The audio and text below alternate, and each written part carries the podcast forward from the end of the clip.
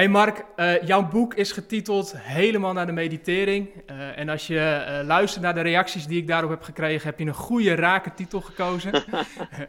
Iedereen heeft wel een beeld bij naar de tering gaan. Ja. Mijn vraag voor nu is met name, wat is jouw persoonlijke ervaring met de gevolgen van helemaal naar de meditering te gaan? Ja, op allerlei vlakken. Dus uh, laat ik een paar noemen. Ik denk dat medita wat meditatie uh, mij gebracht heeft, is um, um, uh, meer lichaamsbewustzijn. Dus door best wel veel bodyscan meditaties te doen, um, heb ik eigenlijk de verbinding tussen mijn geest en mijn lichaam wat ja, gevoelsmatig. Hè? Ik, ik, ik, weet natuurlijk niet of het waar is, maar zo, zo voelt het voor mij dat ik die wat versterkt heb. Dus dat ik iets makkelijker kan voelen wat er in mijn lijf gebeurt. Dat ik iets hè, waar ik vroeger langer door kon gaan, terwijl ik eigenlijk al hoofdpijn had, of nekpijn of rugpijn. En, maar dat, ja, dat zou ik zo, zelf nooit hebben gezegd. Het was meer een soort van ja, vaag onbehagen. Uh, daar kan ik nu iets sneller voelen. Uh, oh, wacht even, weet je wel. Ik zit eigenlijk niet, dit, dit zit niet helemaal lekker of ik daar last van. En dan, en dan um, heeft meditatie me ook tools gegeven. Dus het is, ergens is het bewustzijn. Ik heb het iets sneller door, maar het zijn ook tools. Hè, door naar je adem te gaan, door naar je lichaam te gaan met je aandacht. Uh, de, om daar iets mee te doen. Dus ik kon vroeger training geven, hè, een hele dag voor een groep. En uh, dan aan het einde van de dag uh, een soort van, ja, toch wel last van mijn buik hebben. Dan had ik en, nou, en nu, nu in retrospect kan ik zien dat ik dan gewoon heel veel spanning op mijn buik had de hele dag. Omdat ik het heel graag heel goed wilde doen en mezelf heel veel druk oplegde. Ja, dus, dus ergens is dat, hè, ik, ben wat er, meer ervaren trainer geworden, dus ergens is, is die druk wat minder. Maar ik heb ook iets meer bewustzijn van tijdens een dag, dat ik soms doe ik het nog steeds. En dan als ik, hè, als ik even de groep een vraag stel of uh, een video laat zien, dat ik even een moment voor mezelf pak en voel hoe is het nou eigenlijk met mij. En dan voel ik, oh wow, mijn buik is aangespannen. Oké, ademhaling. Oh ja, Oeh, hè? Uh, lekker, rust, rustig maar Mark. Hè? Weet, je, weet je, ook zo'n stemmetje naar mezelf. En dan, um, uh, ja, dan kom ik gewoon de dag beter door. Dus, dus, dus meditatie en, en, en, en daarmee gelinkt dat lichaamsbewustzijn, dat brengt me iets meer balans. Nou, iets anders is, um, wat daar ook mee in lijn is, dus een van de gevolgen voor mij is ook iets meer grip op mijn gedachten. Dus gedachten kunnen je heel erg uh, overkomen. En, en, en, en, en een, tot de verbeelding sprekend voorbeeld is volgens mij eh, piekeren. En dan vooral s'avonds in bed twintig keer over hetzelfde nadenken. De, de, grote zenmeesters zeggen er ook van, het voegt helemaal niks toe. Het is, het is denken over hetzelfde punt.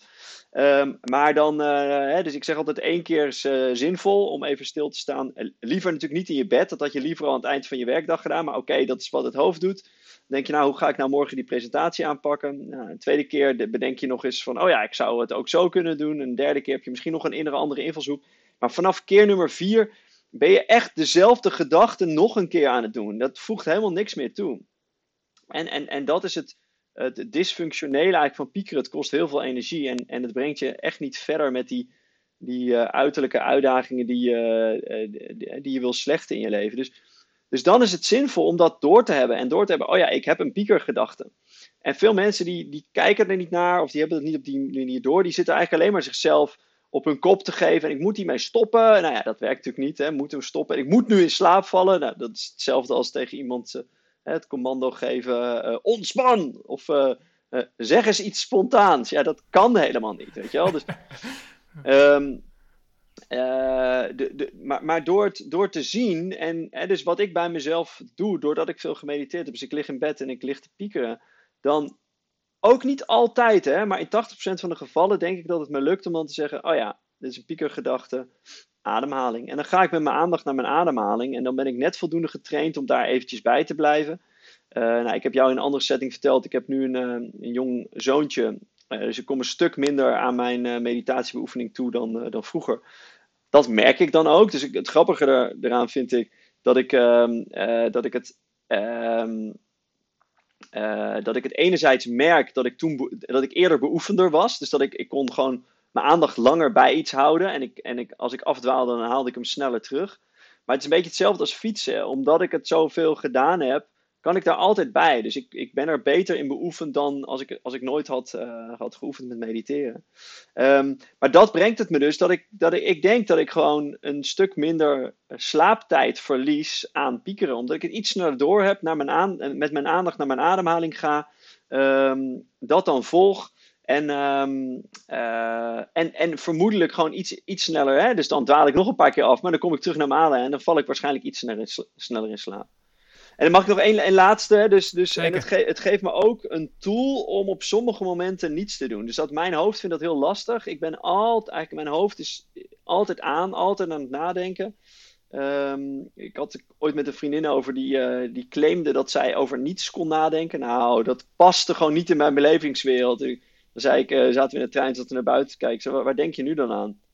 Ja, eigenlijk niks. Ik zei, nou, dat kan niet. Weet je wel? Dat, dat, maar dat was mijn projectie, omdat het in mijn hoofd zo is. Ik ben, dat, gevoelsmatig ben ik altijd over dingen aan het nadenken. En um, ik heb gisteren bijvoorbeeld uh, mijn eerste uh, vaccinatie, COVID-vaccinatie gehaald. En dan moet je een kwartier in die wachtruimte zitten. En dat is wel grappig. Iedereen, weet je wel, zit daar op zijn telefoon dingen te doen. En ik dacht toen, nou, ik kom er amper, hè, ik kom er slecht aan mijn meditatiebeoefening toe. Wat een chill moment. Ik kan, ik hoef helemaal niks hier ja, ik heb daar een kwartier te mediteren. En dan merk ik dat dat me meer brengt dan dat ik nog mailtjes was gaan zitten checken. Of, uh, en, en dat is toch gauw waar mensen naar grijpen. Dus het geeft me ook. Um, mijn hoofd is graag bezig. Dus het geeft me iets om dan mee bezig te gaan. En dat bezig gaan is eigenlijk alleen maar observeren van mijn ademhaling. Of gewoon van zicht of van geluid.